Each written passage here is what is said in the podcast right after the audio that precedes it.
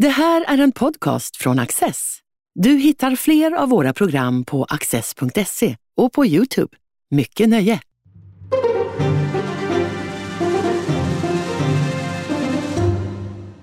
Välkomna till Studio Access.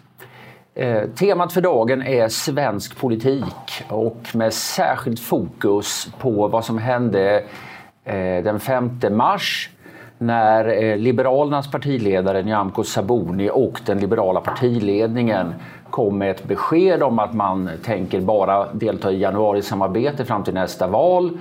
Eh, man vill ha borgerlig regering efter det valet och man kan tänka sig att samtala med Sverigedemokraterna. Eh, vad det här betyder, vad det får för konsekvenser och lite grann det bredare perspektivet ska jag nu diskutera med dels Håkan Boström, ledarskribent i liberala Göteborgs-Posten och Sven Dahl som är doktor i statsvetenskap och redaktör för nättidskriften Smedjan. Varmt välkomna båda två.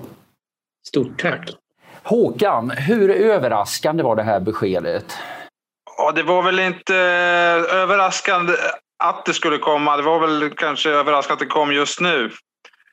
Eh, med tanke på att eh, Sabuni Saboni var ute och pressade Socialdemokraterna i den här migrationsfrågan och eh, jag trodde väl att de kanske skulle invänta någon slags svar. Men det här var kanske ett sätt att få bort fokus från just den saken och liksom kunna backa ur det och ändå liksom tillfredsställa de som vill att partiet ska gå åt höger och ta ställning.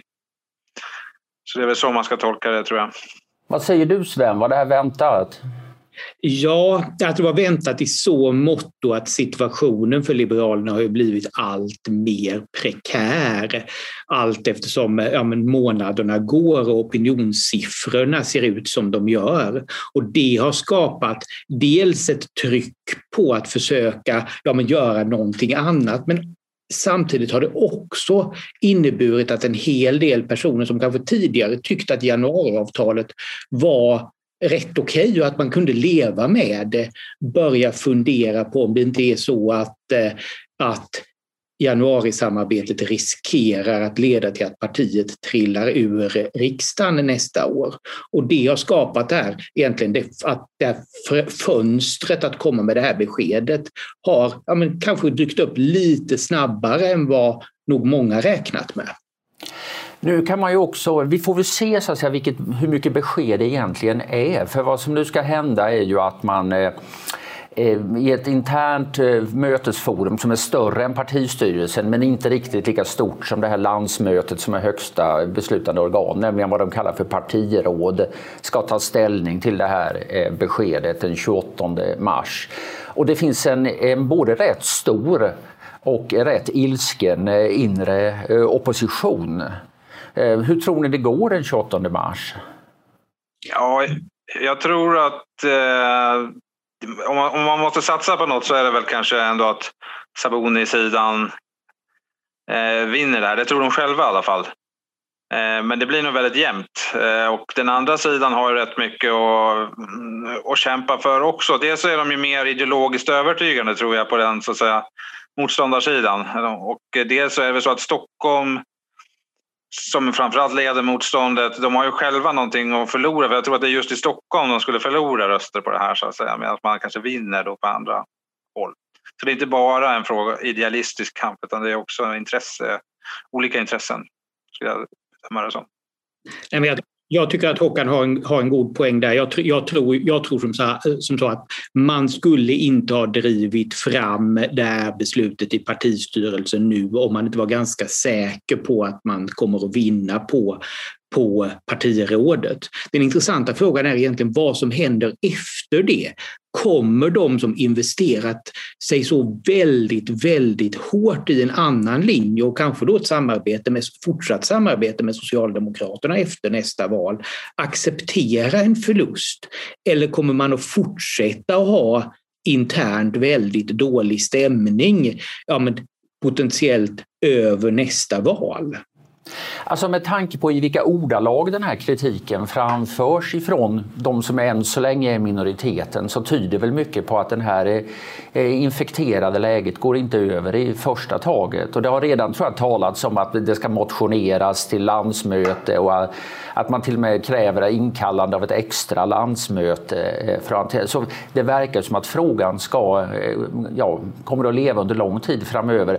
Håkan, du har nästan varit inne på i något du har skrivit att det är som en existentiell klyfta mellan två grupperingar inom, eh, inom partiet. Kan du utveckla det lite grann? Ja, jag, jag skulle säga att de, framförallt kanske de här som leder motståndet ser det här som en eh, existentiell kamp. För det, där är det, det är ganska Inom Liberalerna är kanske det parti där, det här finns mest, ja kanske Miljöpartiet också. Liksom, de står ju att eh, det här, man ser det som att man kan inte kompromissa med, med ondskan om man säger så. Så att eh, jag, jag, tror att skulle Sabonis linje vinna och hålla i sig över landsmötet så kommer vi nog få se en del personer som lämnar partiet. Va? Eh, sen är det ju med att man vinner väljare och hur det nu går Alltså perioden mellan det här partirådet och landsmötet, det, här, det halvåret, kommer väl ha ganska stor betydelse för hur det går i slutändan. Alltså hur, om opinionssiffrorna går upp så stärker det Sabuni så att säga. Och jag har svårt att se hur Sabuni ska kunna sitta kvar ifall hon förlorar den här striden. Eh, det blir väldigt konstigt på något vis. Så att, eh, det, det här är en avgörande strid för bägge sidor på det sättet. Känner du igen det här att eh, en sorts konflikt mellan ordning och reda liberaler, eller ja, vanliga borgerliga liberaler om man så säger, å ena sidan och en rätt kulturradikal Eh, strömning också inom partiet? Det går ju långt tillbaks. Alltså den här kulturradikala kärnan där, där, där liberalismen liksom är en vänstertradition som, men som ändå som vill ha ekonomisk frihet samtidigt så att säga.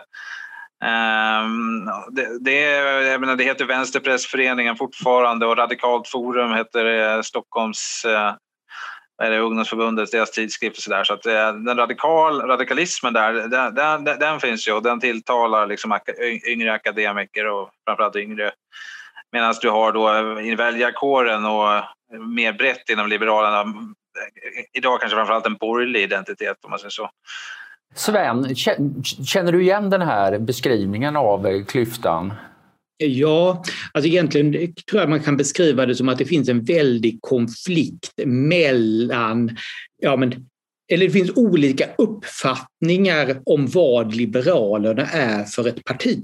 Alltså det, finns, det finns en grupp som verkligen uppfattar Liberalerna som ett, som ett parti som, ja, som ett mittenparti som kan göra uppåt både höger och vänster och som har, väldigt, som har en stark gemenskap både högerut och vänsterut. Och så finns det en del som, som ja, verkligen ser Liberalerna som ett parti som hör hemma i, i, en, i borgerligheten, i ett, i ett samarbete med borgerliga partier. Och Det intressanta och det som gör det svårt i Liberalerna är ju att den, den här, vi kan kalla det för enkelhetens skull, den kulturradikala uppfattningen, den kanske lite mer vänsterlutande uppfattningen om vad man är för ett parti, den är ganska Ja, men den är ganska utbredd bland de aktiva medlemmarna i Liberalerna. Medan Liberalernas väljare till stor del betraktar ja, Liberalerna som ett borgerligt parti. Och det är här någonstans som den riktigt stora så här, konfliktytan finns och det är egentligen det som lett fram till att man befinner sig där man gör idag opinionsmässigt. Att det var ganska lätt att få med sig de, de, ja, de partiaktiva på ett samarbete med Socialdemokraterna. Det har alltid funnits här en dröm om att samarbeta med, med, med Socialdemokraterna bland, ja men, bland betydande delar av de partiaktiva inom Liberalerna. Men däremot är det väldigt få som röstar på Liberalerna för att man vill ha ett samarbete med Socialdemokraterna. Då har, man, då har de lämnat, lämnat partiet. Men kan man gå så långt som att säga att det här är ett eh, ett förbund mellan två politiska strömningar som har ja, historiska förklaringar men som egentligen nu har blivit överspelat av eh, historien och det finns ingen logisk gemensam nämnare längre. Man är, man är i samma parti därför att man är i samma parti men utan så hemskt många fler skäl än så. Ja, Ja, jag skulle säga att det nog är så. Jag skulle säga att eh, det, det, det, finns ju, det var ju uppdelat på två partier en gång för länge sedan, eh, frisinnade och liberaler. Eh, det frisinnade partiet var starkare utanför storstäderna, liberala starkt i Stockholm. Eh, och det är inte riktigt, alltså det hö, höger-vänster är lite oklart här för att de här kulturradikalerna, de, de kan ju vara rätt höger i ekonomiska frågor. Så det finns ingen, medan de kulturellt då snarare står närmare V än S. Liksom. Det är en rätt lustig position, eller den är ganska, vad ska man säga, den är, den är ganska nischad. Eh, Medan då den här frisinnade och det, som har, det här ordning och reda som kanske är någon slags arvtagare till det, eh, det, det, har ju liksom vissa kulturkonservativa drag samtidigt som man är emot, alltid varit emot överhetsstaten. Om man säger så. Mm. Sven, vad säger du om detta? Ja, nej men så, så är det ju uppenbart. Alltså jag tycker att det, det, är spännande att titta på så här när statsvetarna så här efter, i sin analys av regeringsbildningen plottade in då de liberala riksdagsledamöterna på, utifrån, så här, utifrån ja, deras åsikter så är några av de personerna som står väldigt långt till höger i den ekonomiska politiken, ja de stödde, de stödde då januarisamarbetet på precis det sätt som, som Håkan är inne på. Medan då personer som kanske är mer, mer ja, en del personer som kanske inte alls står i lika så här, ska vi säga, för, en, för enkelhetens skull marknadsliberala ja, hamnade då i, i att stödja en borgerlig regering. Så att den konflikten är faktiskt mer levande än vad man kan tro. För det är lite spännande det här med den, fris, den frisinnade traditionen och dess betoning på ja, men egentligen eget ansvar. Alltså det egna ansvaret är ju så här, någonting som var bärande i, i den traditionen. Det är ju någonting som du ser hos, hos det som idag ja, men lite enkelt, lite förenklat brukar kallas kravliberalerna som ju väldigt tydligt betonar, betonar det och har drivit ja, men så här, frågor om så här, hur ska så här, försörjningsstödet reformeras för att premiera eget ansvar. Peka på problemen med bidragsberoende och sånt. Det är ju så här klassiska frisinnade teman egentligen. Men nu är ni båda inne på att det här partiet har blivit något av en skvader, så att säga hälften hare och hälften tjäder med stora eh, problem att flyga. Eh, men ändå tror jag ni båda har kommenterat det här beskedet ifrån eh, den liberala partiledningen med att det skulle vara värdefullt med ett liberalt deltagande i en borgerlig regering. Vad är det som ni tycker att Liberalerna har att bidra med, Håkan? Ja, jag, jag, tror väl att eh, i en konstellation då med eh, M och KD och SD så kan eh, Liberalerna lite grann vara en motvikt mot SD. Man säger så. Jag tror Moderaterna själva ser det så också.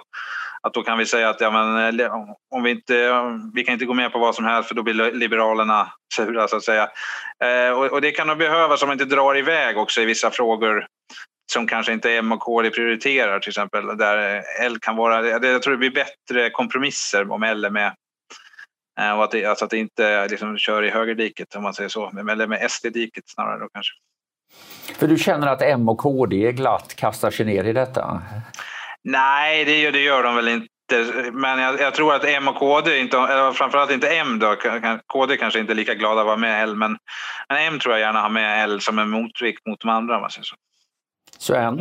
Jag, jag, tror verkligen att, eh, att det är så att Moderaterna generellt sett är väldigt glada för att ha med Liberalerna i ett, alternativ, i, i ett regeringsalternativ. Helt enkelt eftersom det finns så många sakpolitiska, sakpolitiska områden där Moderaterna och Liberalerna kan, står extremt nära varandra. Och på så sätt stärker Liberalernas deltagande i ett borgerligt regeringsalternativ som lutar sig då mot SD, på något sätt Moderaternas förhandlingsposition. Så att jag, jag, tror att, jag tror att det här är, det är, det är värdefullt utifrån så här, den, som vill ha, den som vill försäkra sig om men en borgerlig ekonomisk politik, och, men också så här, som på ett grundläggande plan slår vakt om ja, men så här, en internationell utblick, en, ett internationellt perspektiv i, i politiken. Som ju ja, men både Moderaterna och Liberalerna ja, under lång tid stått för tillsammans i svensk politik. Och, som ju, ja, där, och där det finns en tydlig konfliktyta gentemot Sverigedemokraterna. Men nu beskriver ni vilken nytta Liberalerna kan göra när väl en borgerlig regering har kommit på plats och de är en del utav den. Men ett besked som de nu har gett att de kan tänka sig att samtala med Sverigedemokraterna, men de verkar rätt obenägna, det är inte helt glasklart där, men mycket obenägna att gå in i en fullskalig budgetuppgörelse med Sverigedemokraterna. Kommer Sverigedemokraterna då acceptera en regering där L ingår? Håkan? Ja, alltså jag tror att Saboni måste vara lite otydlig här för att få med sig partiet nu. Sen när man väl kommer i, till kritan och sitter där, då, då, tror jag inte man kan hålla på och liksom säga att vi ska bara förhandla vissa. Man, man måste, alltså, man måste ju ha vissa röda linjer för vad man inte kan gå med på men man måste ju kunna diskutera rätt mycket frågor och, liksom, och, och ha ett mer eller mindre fullskaligt budgetsamarbete. Det, det, det, går inte att komma runt riktigt. Det är lite att man tassar försiktigt dit. Va? Däremot så tror jag det, det, finns, det finns absolut gränser för vad man kan gå med på men det är någonting annat skulle jag säga men tror du att den här, jag, jag, förstår tanken där med den så att säga, målmedvetna otydligheten. Men är den tillräckligt attraktiv för att locka tillbaka de här personerna, Sven, som du eh, eh, säger att man nu kan få chans att nå? Att ett av skälen till att man gör det här utspelet är att man har åkt ner så långt i opinionen. Blir de där väljarna som har lämnat eh, partiet tillräckligt glada över denna vaga signal för att återvända? Jag skulle säga att det finns två stora risker för eh, ja, framöver som är kopplade till det här. Det första är dels det som vi var inne på tidigare att eh, de interna konflikterna inom Liberalerna fortsätter, eller egentligen allt fortsätter som fram tills nu med att man bråkar med varandra och, det, och ett sådant parti vill ingen rösta på. Det andra är just det här att är det så att det här beskedet är tillräckligt tydligt? Är det så att en allmänborgerlig väljare kan lita på att en röst på Liberalerna är en röst på en borgerlig statsminister? Alltså den frågan kommer att kräva väldigt mycket pedagogiskt arbete från Nyamko Sabuni nu under egentligen det kommande året. För det är självklart, där finns det fortfarande osäkerhet. Alltså det var, som jag sa, det var väldigt få som röstade på Liberalerna 2018 för att man ville ha Stefan Löfven som statsminister. Det var nog i själva verket ingen alls som gjorde det. Um, och det är hyfsat många som därmed känner sig väldigt besvikna. Är de beredda, alltså de som gillar Liberalernas sakpolitik, är de beredda att ta den risken och lägga sin röst på Liberalerna? Den, där finns det en rejäl, en rejäl uppförsbacke skulle jag säga. Och där är det faktum att man är kvar i januarisamarbetet det är ju ett problem ur det perspektivet. Det gör den pedagogiska utmaningen ja, men ännu större. Jag fick en aha-upplevelse häromdagen. Jag i ett helt annat sammanhang skulle eh, visa en graf över opinionsutvecklingen i svensk politik. Och sen så ser jag att i, eh, hos Henrik Oskarsson som är statsvetare i Göteborg och publicerar en sån här mätningarnas mätning där man väger samman alla opinionsundersökningar. Han hade ett bra diagram över hela perioden från förra valet och, och till nu. Och då ser man att från en punkt så börjar det för Moderaterna då gå uppåt och sen har det faktiskt gått uppåt obrutet, inte speciellt fort. Men de har då ökat sitt stöd hela tiden eh, under en eh, ganska lång period nu, över ett år. Och när man tittar tillbaka och upptäcker när är detta i början den där resan uppåt i tiden då sammanfaller det nästan exakt med hans berömda kaffestund med Jimmy Åkesson i december 2019 när det kom ett tydligt och begripligt besked. En hypotes, en tanke skulle vara att det är inte så att folk blir väldigt förtjusta i Moderaterna därför att de började tala med Sverigedemokraterna men att man fick reda på vad som gällde.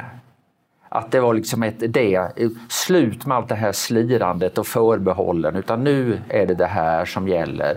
Och, och så tar man smällen och, eh, och det går långsamt uppåt. Räcker det här beskedet från Saboni för att åstadkomma en sån där resa? Du, du ställer frågan Sven, men vad är din bedömning?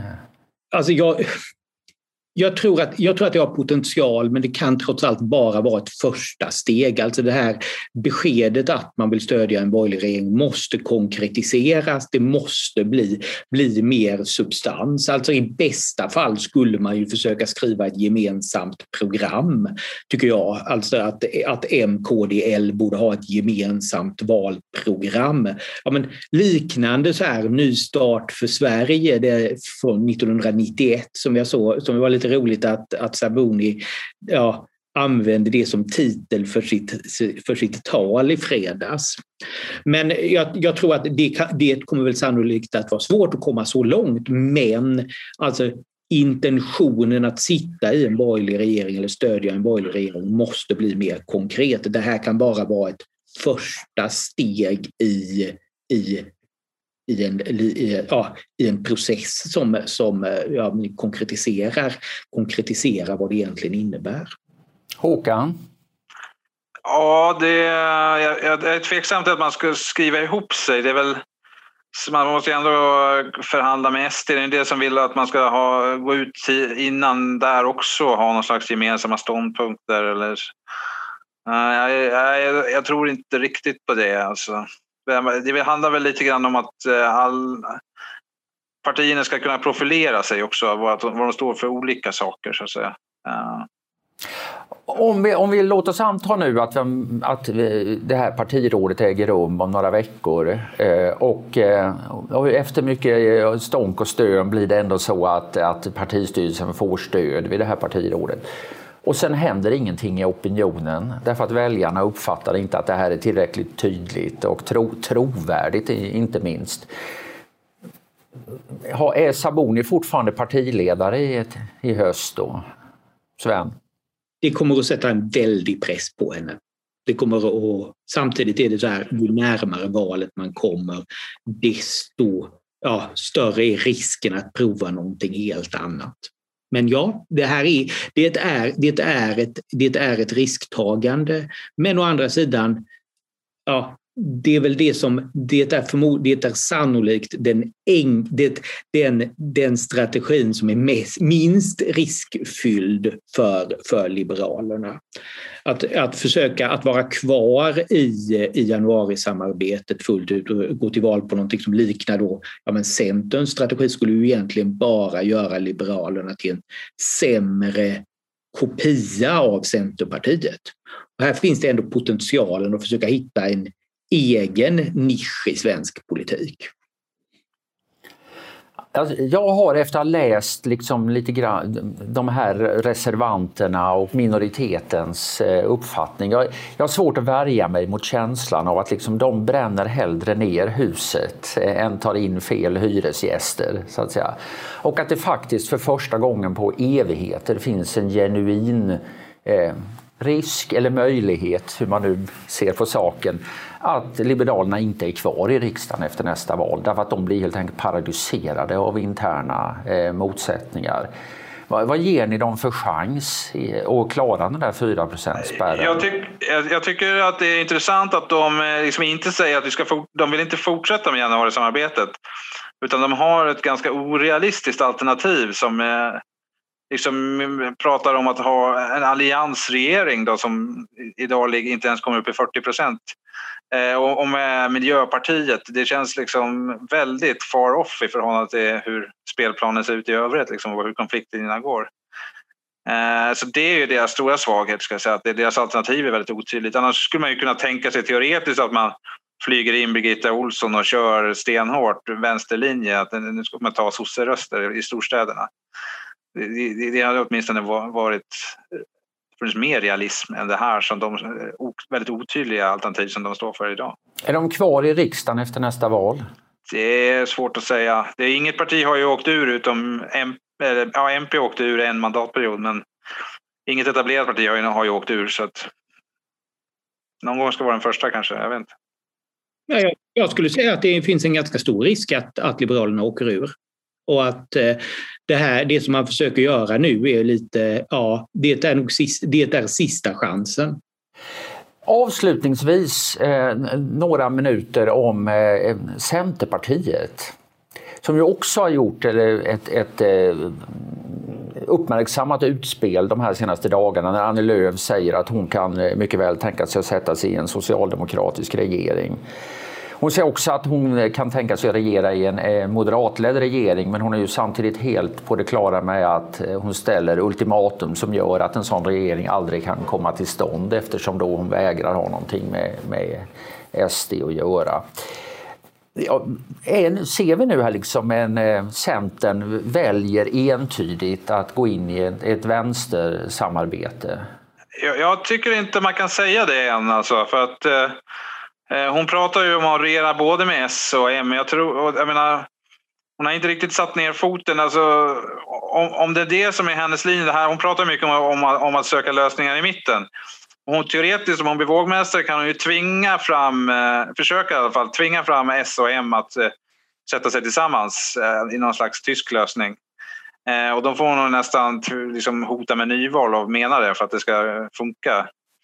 Och det kanske krävs ett nyval också. Alltså, pratar man med folk från SOM så säger de ju bara att det, det kommer aldrig att hända. Men å andra sidan är det det de ska säga också. Eh, för att, eh, eh, hennes andra alternativ att sätta sig med, handlar om att sätta sig med Vänsterpartiet. Det handlar inte om att sätta sig med S egentligen. Utan det måste sätta sig och budgetförhandla med Vänsterpartiet annars. Och det är ju ett väldigt dåligt alternativ ur Centerns synvinkel vad jag kan se. Det Men hon talar mindre entydigt kritiskt om Vänsterpartiet än om Sverigedemokraterna nu, Sven? Utan tvivel är det så. Och jag skulle säga så här att, eh, att det här är ett ganska tydligt besked och, och egentligen inte heller särskilt förvånande att Centerpartiet trivs ganska bra i, i samarbetet med Socialdemokraterna. Man har trivts ganska bra i tidigare samarbeten med Socialdemokraterna också. Men man dessutom har den här gången vilket man inte hade när Olof Johansson samarbetade med Göran Persson, är ju att man har de egna väljarna med sig. Att Centerpartiets nuvarande väljarbas är också väldigt komfortabel med, med samarbetet med S. Så att det här, jag, jag ser det som ganska, ganska logiskt utifrån det att man säger att Centerpartiet ska vara det liberal, ett liberalt parti som framförallt då under nästa mandatperiod försöker påverka en rödgrön regering eller kanske sitta, till och med sitta i en rödgrön regering. Men ska då Socialdemokraterna gå in i en roll som någon sorts evig leverantör av liberala ekonomiska lösningar till Centerpartiet?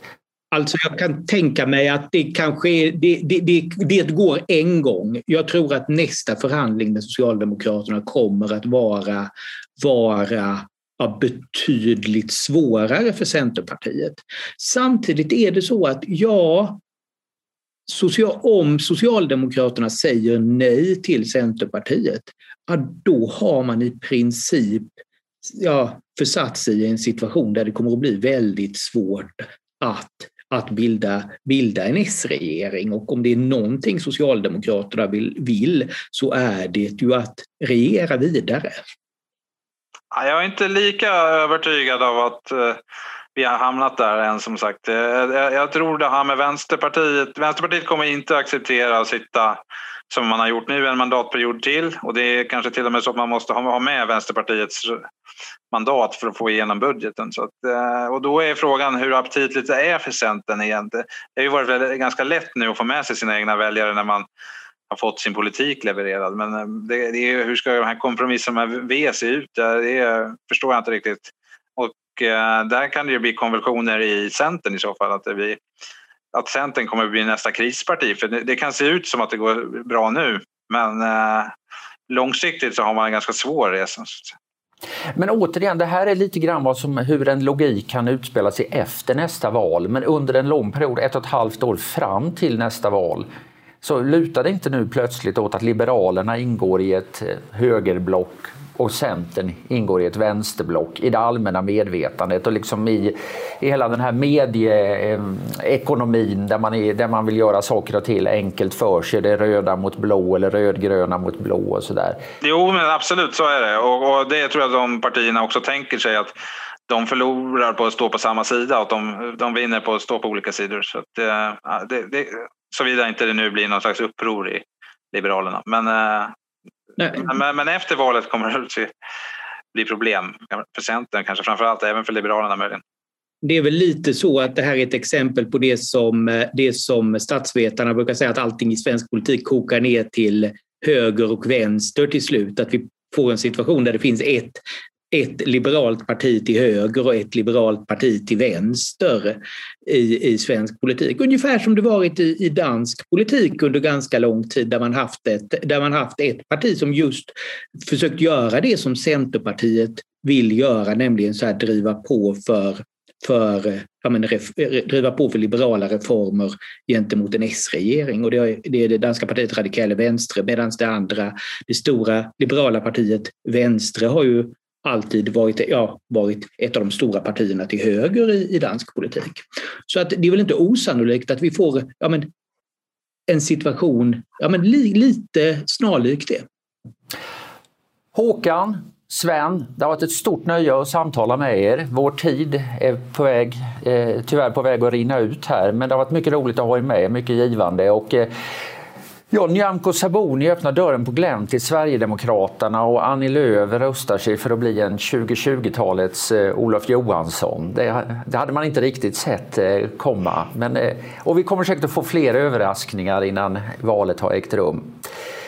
Som sagt, tack så hemskt mycket för att ni er medverkan och tack så hemskt mycket till er för att ni har tittat. Du har just lyssnat på en podcast från Access. Du vet väl att vi också är en tv-kanal och tidning? Teckna en prenumeration idag på access.se.